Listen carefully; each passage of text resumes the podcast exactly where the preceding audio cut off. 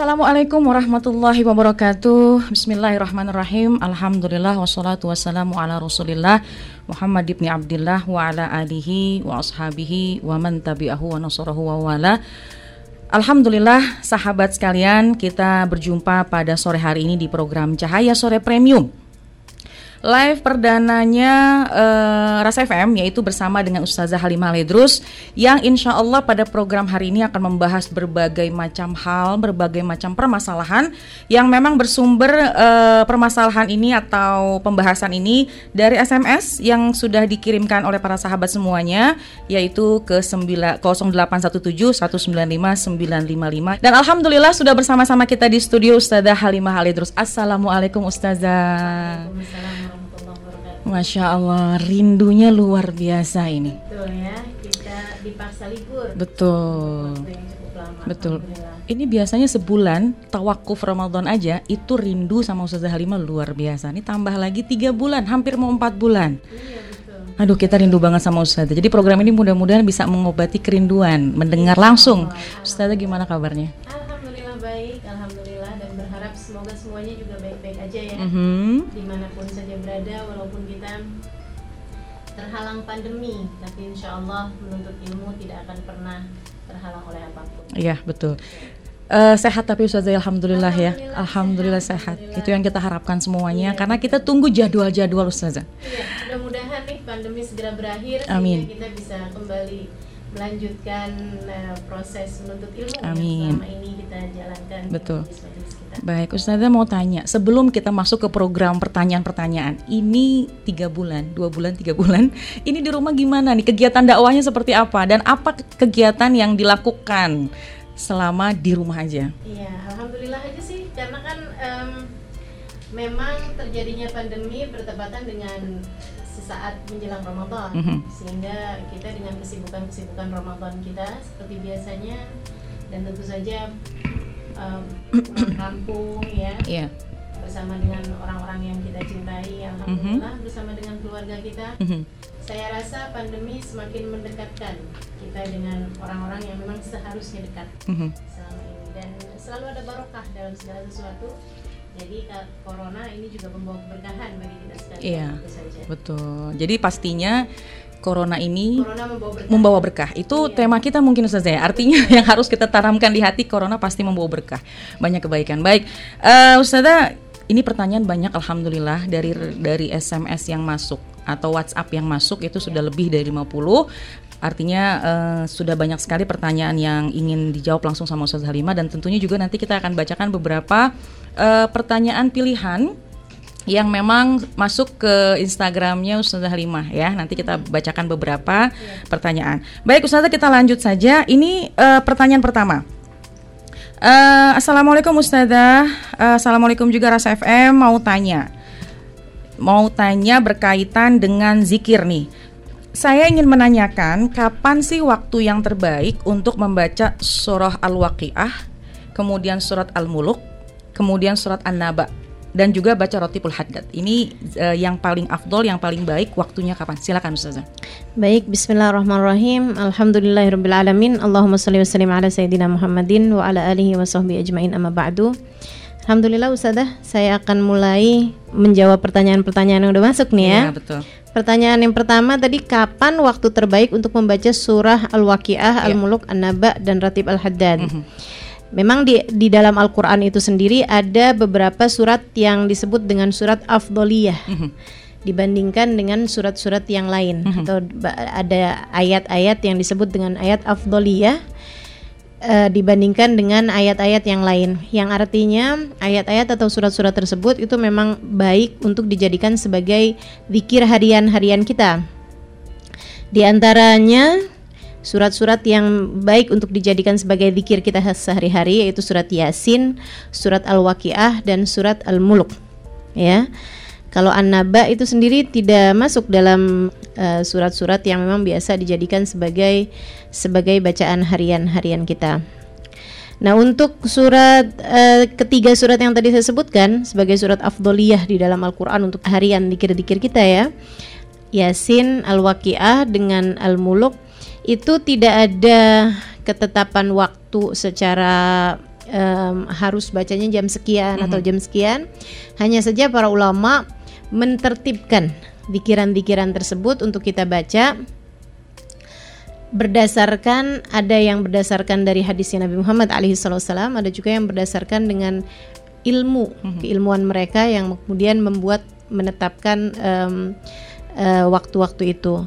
Untuk surat Yasin sebaiknya dibaca pada pagi hari awal pagi mm-hmm. habis subuh gitu atau juga awal malam. Mm-hmm. Jadi ba'da maghrib. Nah, itu waktu terbaik untuk membaca surat Yasin. Selebihnya seperti yang tadi saya sampaikan, waktu kapan pun sebenarnya bagus-bagus saja untuk yeah. baca surat-surat tersebut. Mm-hmm. Cuman di waktu yang tadi dua waktu yang tadi saya sudah sebutkan itu yang paling afdolnya. Mm-hmm. Kemudian um, surat Al-Waqiah itu adalah surat yang mendatangkan rizki. Mm-hmm. Sementara waktu yang terbaik untuk juga jalbur rizik mm-hmm. mendatangkan rizki itu para ulama mengatakan adalah pagi hari di waktu duha karenanya memang sholat duha itu sendiri juga disebut sebagai sholat rizik iya, kan gitu ya sholat rizki mm-hmm. dan juga waktu ba'da asar Imam Al-Haddad dalam kitab Risalah Al-Mu'awana atau Da'watu Tamah menyampaikan di salah satu dari kitab tersebut ya itu beliau mengatakan bahwa waktu pagi itu waktu yang paling baik untuk mendatangkan rizki-rizki dohir mm-hmm Makanya orang bekerja memang bagusnya kan pagi hari gitu. Sementara waktu sore ba'da asar adalah waktu yang paling baik mm -hmm. untuk mendatangkan rizki-rizki batin. Yeah. Rizki batin kona'ah, ilmu. Karena memang waktu ngaji sore hari seperti ini nih waktu yang baik nih. Yeah. Karena di waktu-waktu yang seperti ini Allah banyak menurunkan rizkinya. Mm -hmm. Karenanya surat Al-Waqiah baik juga dibaca yeah. di waktu dua waktu tersebut, yaitu di waktu duha atau waktu ba'da asar. Mm -hmm. Sementara surat Al-Muluk itu memang ada keterangan hadisnya mana Rasul sallallahu alaihi wasallam illa ba'da ma yaqra surat Tabarak. Nabi Muhammad alaihissalam tidak pernah tertidur malam kecuali sesudah beliau membaca surat Tabarakal Muluk. Ya. Karenanya para ulama mengatakan bahwa waktu terbaik untuk membaca surat Tabarakal Muluk adalah waktu malam hari sebelum tidur.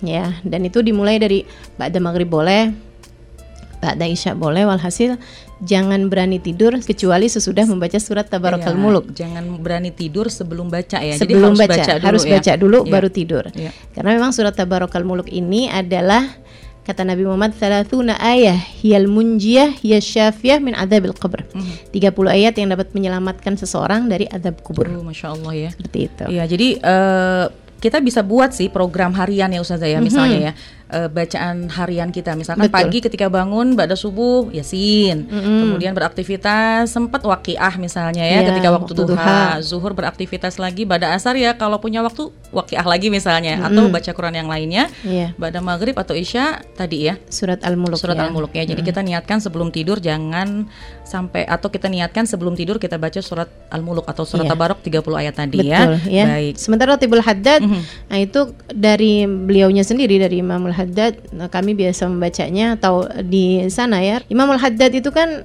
dari Hadramaut yeah. dari Tarim Hadramaut Yaman beliau membaca Ratib Al-Haddad biasanya adalah ba'da maghrib hmm. atau qubail al-maghrib hmm. sesaat menjelang maghrib yeah. nah, itu jadi, jadi di dua maghrib. waktu itu mm-hmm. jadi sebelum maghrib atau ba'da ma uh, ba'da maghrib ke isya ya yeah. jadi apalagi waktu-waktu seperti sekarang ini banyak banget waktu yang kosong Betul. bisa kita isi dengan mas uh, zikir dan juga mungkin benteng kita Ustazah ya iya insya Allah. Masya Allah menjaga kita semua Amin, ya Amin ya Robbal Alamin Ustazah pertanyaan kedua nih saya mau agak uh, cepat karena Masya Allah Alhamdulillah banyak pertanyaan yang masuk supaya semuanya bisa uh, apa ya bisa mendapatkan banyak manfaat dari program kita.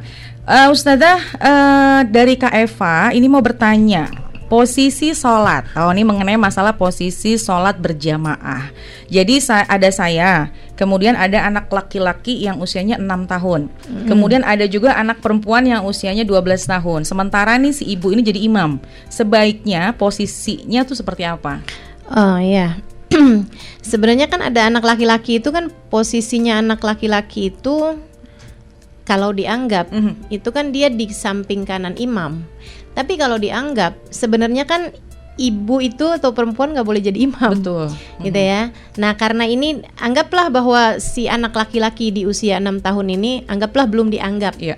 sebagai sebagai uh, makmum atau yeah. sebagai jamaah sholat, tapi kan dia belajar sholat. Yeah. Nah, karenanya kemudian ibu posisinya di samping anak-anaknya. Mm-hmm. Jadi anak yang perempuan di samping kanan, yeah. anak anak anak yang laki-laki di samping kiri. Samping kiri. Sebab di samping kanan itu harus yang memang dianggap jamaahnya, Hmm. dianggap sholatnya. Iya. Nah, karena si anak laki-laki ini usianya masih baru enam tahun, Mhm. jadi dia yang tidak dianggap ini ditaruh samping kirinya si ibunya. Oh iya betul. Jadi kita mendahulukan perempuan yang memang usianya lebih tua atau Lebih tua. lebih dianggap ya, mungkin dia sudah Betul. balik pastinya Iya, di umur segitu ya. Mm-mm. Baik, jadi posisinya imam dan kemudian dahulukan posisi sebelah kanan Iya, gitu ya. dahulukan posisi sebelah kanan, baru sebelah kiri, baru sebelah kanan lagi, baru sebelah kiri lagi. Oh ya, baik. Kemudian Ustazah, pertanyaan yang ketiga. Ini datang dari seorang wanita. Ah, ini nggak menyebutkan namanya. Assalamualaikum Ustazah, saya mau tanya gimana hukumnya orang yang dipaksa menikah, kemudian dipaksa pula bercerai. Mhm. Kemudian pihak lelakinya, ini mungkin pihak suami ya, pihak lelakinya pun menandatangani perceraian itu di atas segel. Tapi setelah itu keduanya melakukan hubungan layaknya suami istri. Karena mereka berpikir perceraiannya ini bukan dari hati tapi dipaksa. Dikarenakan si lelakinya sudah beristri dan perceraian itu atas desakan anak-anak dari pihak laki. Ini gimana hukumnya Ustazah? Jadi Iya. ada perempuan eh, ada wanita istri kemudian artinya perceraiannya dalam keadaan terpaksa gitu ya. Nah, itu sah nggak tuh jatuh cer- eh, Sebenarnya begini ya Ustazah ya. Jadi sesuatu itu dalam hukum Islam dianggap terpaksa apabila memenuhi syarat-syaratnya pemaksaan. Iya. Yang pertama, syaratnya pemaksaan itu yang memaksa harus lebih kuat daripada yang dipaksa. Mhm. Nah, ini kan yang dipaksanya ini katanya anak-anaknya si lelaki itu Iya, itu yang memaksa ya. yang memaksa. Yang memaksa. Yang Begitu memaksa kan? si anaknya. Yang memaksa si anak. Mm-mm. Nah, ini kan eh, artinya dari syarat pemaksaan pertama aja udah nggak sah ya. Mhm. nggak sah sebagai pemaksaan. Iya. Jadi pemaksaan itu harus terjadi dianggap sebagai sebuah pemaksaan. Itu apabila yang memaksa itu lebih kuat Mhm. secara posisi, secara Iya. kekuatan gitu ya dibandingkan dengan yang dipaksa. Iya. Nah, ini kalau misalnya ada anak dipaksa sama orang tuanya itu masih lebih masuk di akal Hmm, untuk dia betul. berada dalam keadaan terpaksa. Iya. Tapi kalau orang tua dipaksa sama anak, Iya. nah ini nggak seharusnya orang tua berada dalam posisi yang Iya, terkalahkan. berarti anak ini posisinya lemah ketika memaksa orang tua untuk melakukan suatu hal mungkin gitu ya? Iya, jadi nggak Iya. sah adanya unsur pemaksaan di situ gitu Iya. kan. Si Mhm. bapak tinggal bilang aja ya saya mau mau begitu emang kenapa Iya, gitu kan. Betul. Sehingga adanya perceraian itu karena pemaksaannya dianggap tidak sah, Mhm. pemaks eh, perceraiannya tetap jatuh Hmm. gitu kan. Jadi begini, orang eh, bercerai misalnya sama halnya dengan mengatakan kekafiran Mhm. ya, menyatakan kekafiran dengan lisan. Itu kan em, baru bisa terjadi. Misalnya baru dianggap oh ini karena pemaksaan jadi nggak dianggap Mhm. Perceraiannya nggak dianggap. Itu apabila yang memaksa posisinya lebih atas daripada yang dipaksa. Iya. Misalnya Jadi yang dipaksa nggak bisa ngapa-ngapain gitu ya. Dengan rakyatnya, Mhm, mhm. misalnya begitu kan, atau eh, orang tua terhadap anaknya, Mhm. gitu ya. Nah itu baru bisa dianggap sebagai ada unsur pemaksaan di sana. Itu satu. Kemudian yang kedua, yang dipaksa itu perkara yang memang akan membuat mereka nggak tahan. Mhm. Maksudnya sesuatu hal yang besar. Misalnya, kalau kamu sampai eh, tidak menceraikan istri kamu, kamu akan saya bunuh. Mhm. Nah, itu baru bisa dianggap Iya, gitu. betul. Tapi kalau misalnya kamu enggak memak enggak menceraikan istri kamu, kami sebagai anak-anak enggak mau lagi memberikan nafkah kepadamu, Pak. Mhm. Apalagi ini kan mama bapaknya kan. Nah, itu nggak dianggap Mhm. gitu. Karena kan memang seharusnya si bapak tersebut tidak bergantung Iya. sama anak-anaknya. Apalagi cuma cuma urusan urusan eh, ini kan misalnya kalau bapak nggak mau kalau bapak menceraikan tidak menceraikan istri bapak, Mhm. kami sebagai anak-anak tidak akan mau lagi bapak temuin Iya. ya itu bukan sesuatu hal yang eh, bisa membuat si bapak merasa terpaksa. Iya. itu itu yang eh, yang yang keduanya gitu kan syarat yang keduanya. Dan yang ketiga syaratnya itu adalah kemampuan sang pemaksa untuk melaksanakan apa yang dipaksakan. Mhm. kalau misalnya ada anak gitu kan bilang bapak kalau nggak menceraikan istri bapak anaknya nih bilang anak dari istri yang lain bapak nggak mau menceraikan istri bapak, bapak akan saya bunuh. Mhm. Nah, tapi kan kita tahu juga si anak nggak mungkin bisa melakukan apa yang dipaksakan Iya, tadi itu. betul. Nah, itu juga tetap kalau dia menceraikan jatuh. Hmm. Apalagi si bapak ini Iya. kemudian teken teken ya Iya. di atas materai, Iya. segel bahwa dia menceraikan. Itu artinya tidak ada unsur keterpaksaan di sana Iya. yang bisa dianggap. Iya. Sehingga dia tidak bisa mengatakan bahwa saya menceraikan kamu atas unsur keterpaksaan. Mhm. Sehingga nggak jatuh tuh cerainya, tetap jatuh cerainya. Iya. Karena tidak memenuhi unsur paksaan tadi ini. Mhm. Sehingga ketika kemudian mereka berhubungan intim, ya jatuhnya sebagai zina Iya, karena betul. sudah bercerai Mhm. tapi mereka berhubungan intim gitu. Iya.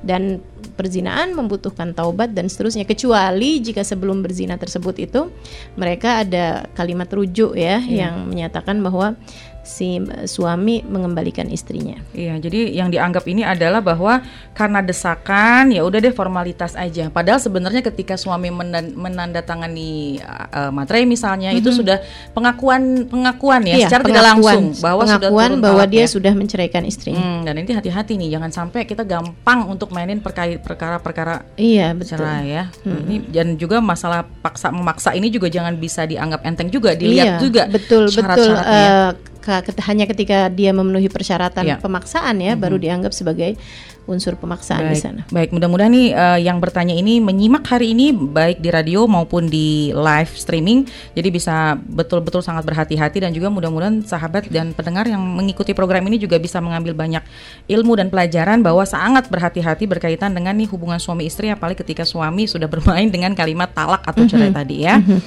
Ustazah, pertanyaan selanjutnya.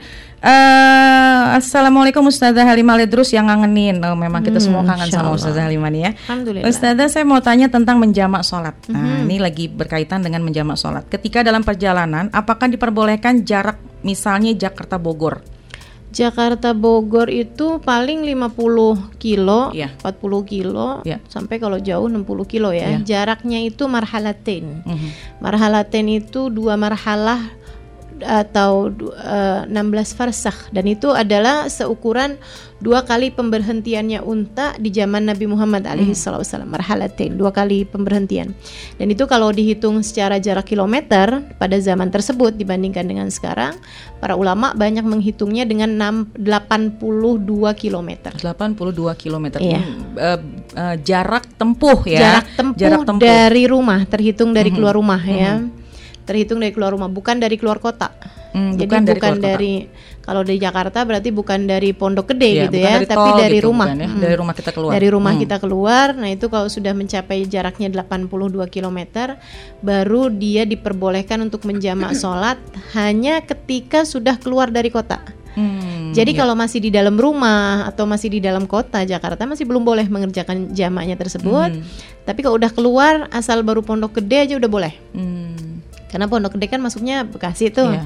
Nah, itu baru Pondok Gede aja udah boleh mengerjakan jamaknya dengan syarat perjalanan yang akan ditempuh mencapai 82 km atau lebih. iya. Kalau Jakarta Bogor saya kira belum sampai ya. Iya, belum Mungkin ya. Jakarta Cikampek, Jakarta Hmm, Bandung paling dekat lebih mungkin ya. puncak pas ke sana lagi mungkin ya puncak Iya. pas atau Bandung bahkan lebih jauh lagi ya Sekarang kan gampang nih bisa lihat dari eh, Google Map Iya, ya, iya, itu betul. berapa jarak yang di yang diperlukan Iya, gitu betul. untuk sampai ke sana. Jadi banyak ada orang yang menyangka pokoknya keluar kota bisa jamak. Nah Oh, ini, enggak, enggak. jadi nggak semua keluar kota bisa jamak. Enggak, Jadi harus ada batasan safaran tawilan itu tadi Iya, ya persyaratannya ya. Jadi- Dan mubahan juga Iya. perjalanannya yang memang diperbolehkan. Iya.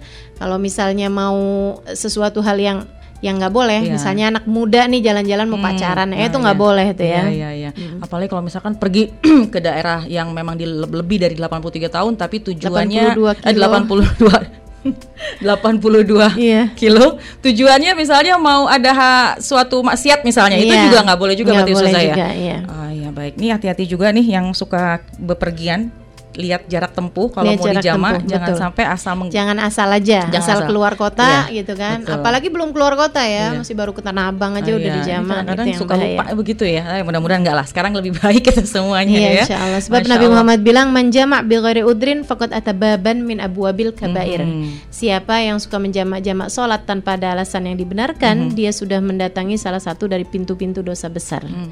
Dan Allah bilang Fawailul lil musallin Alladzina hum an sholatihim sahun. Kata Allah celaka orang yang sholat mereka sholat akan tetapi mereka menyia-nyiakan sholatnya. Ya, Sayyidina Ibnu Abbas mengatakan alladzina yuqaddimuna shalah ila ghairi waktiha au yuakhirunaha ila ghairi waktiha. Orang yang suka memajukan sholat min ghairi waktiha sebelum datang waktunya atau mengakhirkan sholat sampai keluar dari waktunya. Mm -hmm itu adalah orang yang tergolong sahun yang dimaksud yeah. oleh Allah dalam Al-Qur'an. Baik, apalagi sekarang sudah ada aplikasi jadi kita bisa cek yeah, jarak bisa tempuh cek jarak ke tujuan, berapa hmm. kilonya, Betul. kemudian alhamdulillah jadi bisa memudahkan kita ya. Yeah. Jama apa enggak nih mm -mm. gitu ya. Baik. Baik Ustazah pertanyaan selanjutnya uh, juga nggak menyebutkan nama nih. Assalamualaikum Ustazah, semoga selalu dalam uh, lindungan Allah diberi keberkahan dan kesehatan. Amin ya ya robbal alamin. Ustazah bagaimana pendapat Ustazah jika seorang wanita menikah dengan laki-laki setelah menikah pisah rumah? Terjadi seperti itu karena wanitanya ini masih kuliah dan belum mau berhubungan badan. Tapi keduanya udah saling suka Sementara si laki-lakinya juga belum punya rumah. Boleh nggak tuh di dalam agama? Dan mohon arahannya Ustazah uh, sebaiknya menikah sekarang atau setelah kuliah saja baru menikah. Oh mungkin ini baru berencana nih Ustazah, hmm, baru berencana akan menikah akan ya. Menikah. Tapi nanti kalaupun menikah juga nggak akan tinggal hmm, bersama iya. dan nggak mau berhubungan intim iya, dulu gitu iya, ya. Itu gimana nih Ustazah? Sebaiknya nah, bagaimana? Enggak apa-apa, boleh-boleh aja sih. Saran saya memang menikah aja dulu daripada terjadi hal-hal yang diinginkan Hmm. begitu kan daripada terjadi fitnah ya, yeah. udah sama-sama deket keluarga udah sama-sama setuju cuman sekolahnya belum selesai mm -hmm. misalnya begitu ya udah kalau gitu nikah aja dulu mm -hmm. akad nikah di dihadiri keluarga besar misalnya begitu kan mm -hmm. tinggalnya masing-masing nggak jadi masalah yeah. mm -hmm. tinggalnya masing-masing nggak jadi masalah dan kalau masalah untuk urusan berhubungan intim nggak langsung saat itu atau nggak tunggu beberapa waktu yeah. beberapa bulan beberapa mm -hmm. tahun bahkan mungkin ya itu kesepakatan aja sih yeah. antara pihak kedua belah pihak ya. Yeah. Sebab ketika sudah menikah, nah itu kan maka istri tersebut itu kan berada dalam haknya suami. Yeah. Nah, urusan yang seperti ini tergantung dari pihak suaminya, apakah dia mau menunggu atau enggak. Yeah. Dan kalaupun misalnya suami udah bilang oke, okay, nggak apa-apa, kita menikah, tinggal masing-masing uh, dan kita nggak berhubungan intim dulu mm-hmm. selama satu tahun yeah. sampai kamu lulus kuliah misalnya gitu atau sampai saya punya dapat rumah yeah. tapi ternyata di tengah-tengah tahun ya itu tadi ya ada terjadi hal yang diinginkan mm-hmm. sampai kemudian sang suami tersebut meminta misalnya kepada istrinya maka istri tersebut harus melaksanakan kewajibannya sebagai seorang istri. Iya. Baik ya. itu tinggal perjanjian kedua belah pihak iya, ya. ya.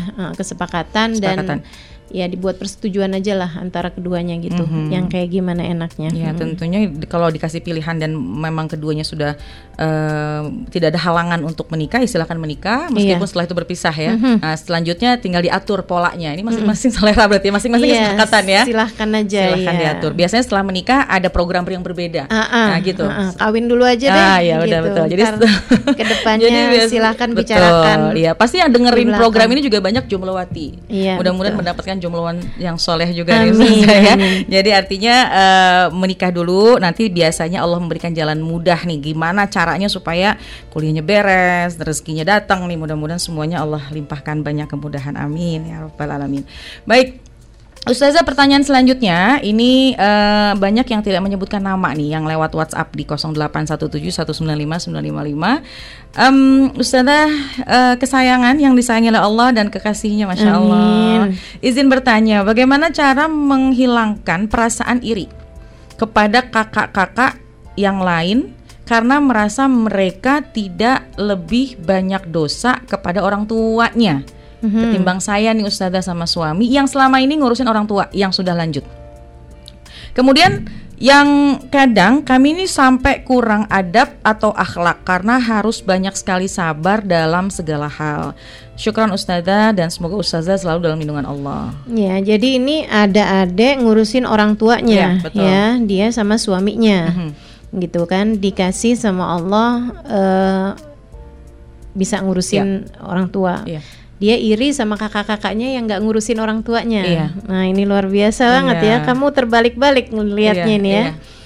Bahwa e, bisa ngurusin orang tua itu adalah sebuah anugerah mm-hmm. yang luar biasa besarnya dari Allah Subhanahu Wa Taala dan itu adalah karunia yang banyak diidam-idamkan oleh anak-anak yang sudah tidak lagi memiliki orang iya, tua. Betul. Ya. Termasuk Si saya. Nih. Nada ini Iya, kan betul. Udah nggak punya keduanya ya. sudah nggak ada keduanya dan tentu aja kalau bisa lihat orang, Mhm. bisa ngurusin orang tua itu Iya, iri yang iya, luar biasa ya, betul, Ustadzah ya. Betul, betul. salah satu hal yang saya syukuri dari berkah corona kemarin Ya. itu juga karena alhamdulillah alhamdulillah dari sisi saya ya, Iya. bahwa pada waktu terjadi corona di bulan awal-awal Ramadan kemarin itu eh, umi saya sakit Mhm. dan alhamdulillah berkahnya corona Hmm. saya jadi bisa punya kesempatan untuk bisa eh, untuk bisa merawat merawat ibu saya dan itu adalah sebuah karunia yang indah yang Allah Subhanahu wa taala berikan dalam kehidupan saya gitu. Jadi kamu lihatnya harus dengan pandangan yang lain, Dek. Alhamdulillah dikaruniai Allah Subhanahu wa taala untuk bisa merawat ibu kamu di saat-saat hidupnya dan tentu saja kalau lihat kamunya sudah menikah dan punya banyak kakak-kakak. Ya. Artinya ini kan orangnya orang tuanya sudah tua ya. Iya. Yang Nabi Muhammad mengatakan bahwa man adrak abawai au ahaduhuma fi kibarihima siapa yang mendapati orang tuanya di masa tuanya atau salah satunya dan keduanya atau salah satunya tersebut tidak menjadikan dia masuk neraka Iya. maka dia akan terhalang dari rahmatnya Allah. Artinya sangat mudah sekali bagimu untuk mendapatkan karunia dari Allah Subhanahu wa taala maka syukurilah gitu.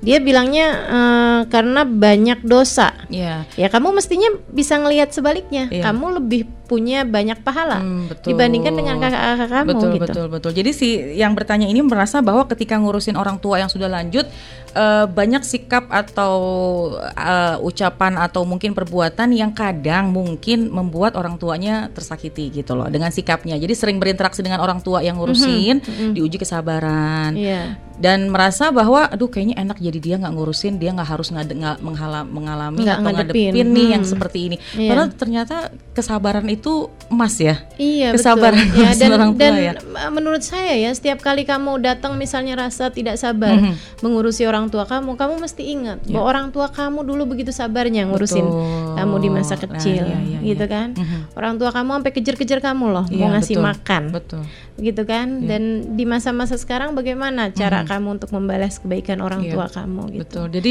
dua hal nih yang kita dapat dari Ustazah Halimah sore hari ini bahwa beruntung ketika ada seseorang yang bisa banyak waktu dengan orang tua dan Betul, melayani, betul. punya Hmm, kesempatan itu. Itu adalah itu, satu itu karunia satu besar ke- dari betul. Allah seperti pintu surga yang Mhm. dibuka di hadapanmu. Betul. sangat mudah sekali untuk kamu masuki Iya.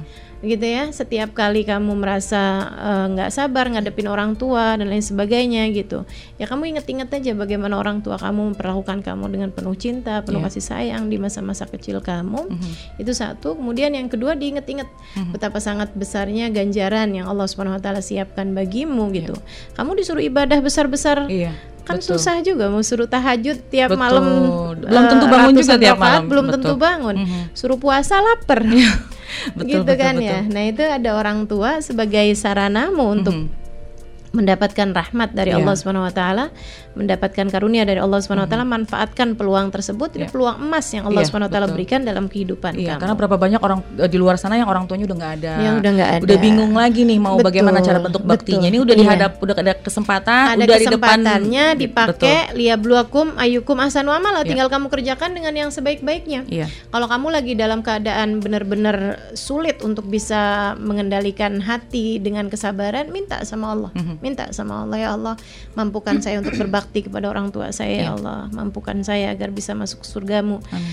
Eh, lewat jalan saya bakti kepada orang tua, Iya. lewat jalan ngurusi orang tua. Iya. Itu karunianya yang sangat besar sekali dan dijanjikan Nabi Muhammad menjanjikan kata Nabi Muhammad birru abaakum tabirrukum abnaukum.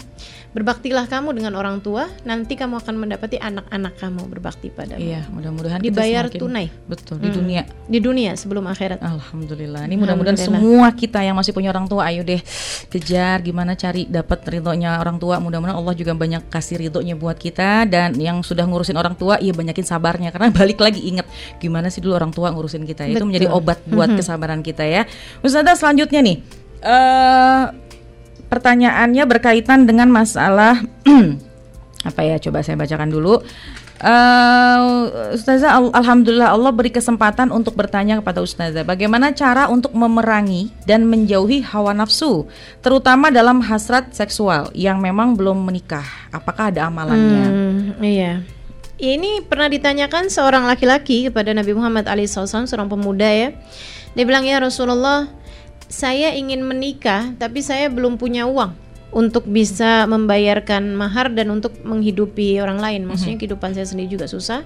Jadi bagaimana ini cara saya untuk uh, menahan menahan hawa nafsu gitu. Yeah. Nabi Muhammad nyuruh dia pertama memang mau nikah ya, tapi karena dia bilang nggak bisa ini nggak bisa memberikan nafkah kepada kepada anak perempuan, mm -hmm. Nabi nggak kemudian bilang, yaudah nggak apa-apa nikah aja dulu urusan rezeki belakangan, nggak yeah, gitu, nggak yeah. gitu. Nabi itu Nabi adalah muallimul kubro ya, se seorang pengajar yang paling agung, paling besar sehingga beliau tahu yang terbaik bagi umatnya dan hmm. jawaban bagi satu orang adalah jawaban bagi keseluruhan umat. Hmm. Nabi kemudian mengatakan e, maka berpuasalah kamu. Hmm berpuasa ya? berpuasalah. Nah puasa yang dimaksud di sini ini bukan bukan asal puasa, artinya bahwa bukan sehari puasa kemudian langsung hawa nafsu terhadap urusan dorongan seksual ini langsung habis ya. ya betul. Akan tetapi diperlukan keistiqomahan dalam puasa tersebut. Mm -hmm. Cobain untuk puasa Senin Kamis. Mm -hmm. Kalau ternyata udah puasa Senin Kamis pun juga masih tetap juga nih awan nafsu bergejolak, nah silahkan puasa Nabi Daud hmm Sehari puasa sehari enggak, sehari puasa sehari enggak itu memang sangat uh, mujarab untuk bisa untuk bisa ini ya menahan hawa nafsu dorongan seksual. Kemudian selain daripada itu juga amalan yang saya minta untuk kamu mengerjakannya nih bagi para jomblo jomblo hati. jomblo hati ya. Iya, yang belum dikaruniai pernikahan iya. ya. Adalah untuk menjaga pandangan dan pendengaran hmm. dari apa yang bisa membawa kepada dorongan se seksual. Yeah. Artinya jangan kebanyakan nonton-nonton hmm. film atau apa yeah. yang membuatmu jadi memiliki dorongan sehingga pikiran akhirnya ke arah sana iya, terus. Yeah, betul. Gitu. Coba berkegiatan selain daripada puasa tadi itu kan. Coba berkegiatan dengan kegiatan-kegiatan lain yang hmm. lebih bermanfaat yeah. sehingga pikiranmu tidak terus-terusan ke arah-arah sana gitu. Ada banyak hal yang bisa kamu lakukan dari menuntut ilmu, ada banyak banget yang perlu kamu pelajari dari ilmu-ilmu agama, belajar tafsir Quran, belajar makna-makna sholat, belajar makna-makna dari ayat-ayat yang uh, selama ini kamu baca dalam sholat-sholat kamu gitu. Itu itu bisa untuk membuatmu menjadi lebih tahan terhadap godaan-godaan tersebut. Ya, ya. jadi puasa dan aktivitas mm -hmm. yang positif ya. Betul. Jadi jangan jangan mikir yang uh, aneh-aneh gitu ya iya, selain puasa. Sama olahraga, oh, Ustazah. Olahraga, ya. ya, saya pernah dengar itu bahwa di saat orang berkeringat olahraga itu mm -hmm. itu ada hormon apa gitu yang biasa dikeluarkan orang juga ya. ketika menjalankan urusan-urusan seksual ya. Iya. Baik, jadi, nah, jadi selain puasa, olahraga, berpikir positif. Iya. Mungkin hmm. untuk jomblowati datang kajian. Jaga mata, jaga, jaga telinga mata, juga. Jaga ya. telinga sama datang kajian kali Ustazah ya. datang kajian. Uh, Masya Allah. lagi pandemi nih ya. Iya, betul Kajiannya ya. Kajiannya kita tunggu sampai keadaan menjadi lebih amin, kondusif insya Allah. Amin. Baik Ustazah, saya mau membacakan pertanyaan, dua pertanyaan uh, dari Instagram Ustazah. Mm -hmm yang oh, iya. ini banyak like-nya dan juga yeah. kalau banyak like biasanya banyak dibutuhkan oleh pendengar yeah. ya. Mm-hmm. Ini dari pertanyaannya dari Zirwah Khairia. Mau bertanya Ustazah bagaimana agar hati bersih dari sifat iri, dengki dan penyakit hati lainnya?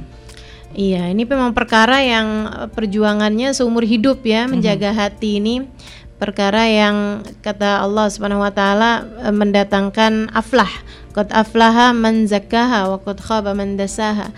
Nah, jaga hati ini sesuatu hal yang harus dipelajari seumur hidup mm-hmm. begitu kan ya. Tapi yang pasti mendekatlah kepada Allah Subhanahu wa taala dan belajarlah untuk bisa melihat apa pun sebagai uh, penggeraknya itu Allah gitu, mm-hmm. sumbernya dari Allah. Yeah. Ini kan penyakit-penyakit hati seperti iri, dengki itu kan karena melihat orang lain mendapatkan kenikmatan, yeah. kesenangan yang kita pikir lebih daripada kita. Yeah. Selagi kamu melihatnya sebagai dia punya ini, mm -hmm. dia punya itu, yeah. dia cantik, dia Betul. kaya, mm -hmm. dia disayang suami, mm -hmm. dia um, hidupnya lebih beruntung dan lain sebagainya, maka selagi kamu masih melihatnya dia dia dia dengan D kecil ya, Iya. makhluk gitu Iya. maksudnya, dia punya ini punya itu ya akan terus datang perasaan-perasaan seperti itu. Mhm. Tapi kalau ngelihatnya sebagai dia dengan huruf besar, Iya. Allah Subhanahu wa taala sang pemberi, maka kita akan bisa tahu bahwa manusia semuanya nggak ada yang memiliki apa pun kecuali ketika dia diberi. Iya. Nah, kalau kamu urusannya terhadap urusan diberi, maka minta aja sama yang beri Iya, betul. agar kamu juga dikasih apa yang diberi sama oleh Allah kepada orang tersebut kan Iya. begitu. Itu dengan cara itu semakin kuat semakin kuat tauhidmu, semakin kuat keimananmu kepada Allah, maka akan semakin berkurang pula lah penyakit-penyakit hati kita ini. Mhm. Iya. Jadi ini memang pastinya banyak eh, pendengar yang eh, biasanya suka bersentuhan nih dengan masalah ada irinya, ada dengkinya, Mhm. kemudian ada mungkin masih memiliki dendam misalnya atau ngelihat yang lain kok dia punya ini punya ini sementara saya enggak gitu ya. Iya. Mungkin karena itu ya berarti Ustazah ya. Melihatnya jangan dek kecil tapi dek besar. Iya. Kalau ha, memang iya. melihatnya kepada Allah Subhanahu wa melihatnya taala. kepada Allah, Allah hmm, yang ngasih, Allah Iya. yang beri, Allah yang bagi, Allah Mhm. yang begitu kan ya. Dan Iya. bahwa yang Allah kasih itu semuanya yang terbaik kok bagi Iya. kehidupan seseorang gitu Iya. kan. Dia nggak cantik tapi kok eh, disayang suami ya mungkin Iya. ada sesuatu hal yang eh, kamu nggak tahu Iya. gitu kan. Betul. Yang membuat Allah Subhanahu wa taala memberi itu kepada orang tersebut. Iya. gitu. Atau bahkan ketika kita berkaca dengan diri kita juga Iya. gitu ya. Kadang kita kalau ngeliat orang punya ini punya ini, ketutup apa yang kita punya. Betul. Nah, jadi betul. mungkin sat- salah Betul. satunya tadi eh, yang bersyukur, Halimah bersyukur ya, terhadap apa, kita yang Allah. Subhanahu wa taala Hmm. berikan kepada kita gitu Iya, kan. jadi kalau udah sibuk dengan positif diri kita udah nggak ada lagi Mm-mm. mikirin untuk Iya, orang lain ya. Iya, betul. Baik, masya betul. Allah. Ini ini kadang eh, cuma gimana Ustazah doanya atau amalan apa Ah. yang kira-kira bisa menjadi obat ya hilang Hmm. irinya, hilang dengkinya apa nih yang harus kita baca? Kalau yang selama ini saya bisa rasakan mungkin salah satunya adalah solawat ya. Solawat. Mhm. Solawat. Sebab kalau kita itu eh, banyak baca solawatnya, nah itu nanti hati kita menjadi lebih bercahaya. Kata Mhm. Nabi Muhammad alaihissalam, "Aktsiru minas salati alayya, fa inna salatakum alayya nurul lakum." Mhm. Perbanyaklah kalian membaca solawat kepadaku karena solawat kalian itu menjadi cahaya bagimu. Nah Mhm. itu cahaya itu yang kita harapkan menerangi hati-hati kita Iya, gitu. betul. Itu mungkin salah satu dari amalan yang bisa kita coba untuk untuk bisa membaguskan hati kita Iya. juga adalah dengan kita mendekat kepada Nabi Muhammad alaihissalam salah Iya. satunya dengan cahaya. Masya Allah ini sempurna. dengan solawat ya. Betul nih sempurna banget ya Ustazah menyampaikan bahwa pokoknya positif eh, melihatnya kepada Allah jadi lebih lega hatinya Heeh, dan betul. obatnya di antaranya sholawat tadi ya. Ini sempurna banget nih mudah-mudahan hidup kita jadi jauh dari penyakit-penyakit hati ya. Amin, amin. Baik Ustazah ini nggak terasa nih udah hampir 44 menit dari pukul 5 jadi Hmm. hampir 45 menit kita ada kajian ini dan insya Allah kita akan berakhir di 4.50 jadi tapi saya mau membacakan satu pertanyaan lagi juga Iya. dari Instagram Iya. yang di mana ini juga banyak like-nya di Instagram Ustazah Halimah yaitu Ustazah pertanyaan terakhir bagaimana cara para wanita-wanita soleha dalam mendidik anak-anaknya dari Aisyah Al Fajar ya Iya, yang pasti sih ya mereka mengajarkan kepada anak-anaknya menanamkan kebaikan-kebaikan Mhm. pada anak-anaknya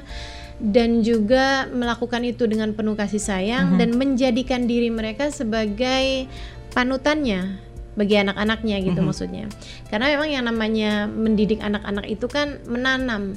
Nanam itu kan enggak sekali tanam langsung jadi gitu kan. Iya. Nunggu bertahun-tahun Hmm, betul. baru bisa tumbuh sesuai dengan yang diharapkan.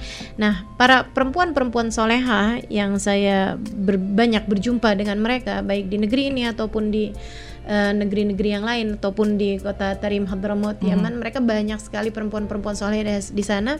Saya rasakan mengajarkan kebaikan-kebaikan pada diri anak-anak. Mhm. Salah satunya Ubaba Zahra ya, ibunda dari Habib Umar bin Hafid.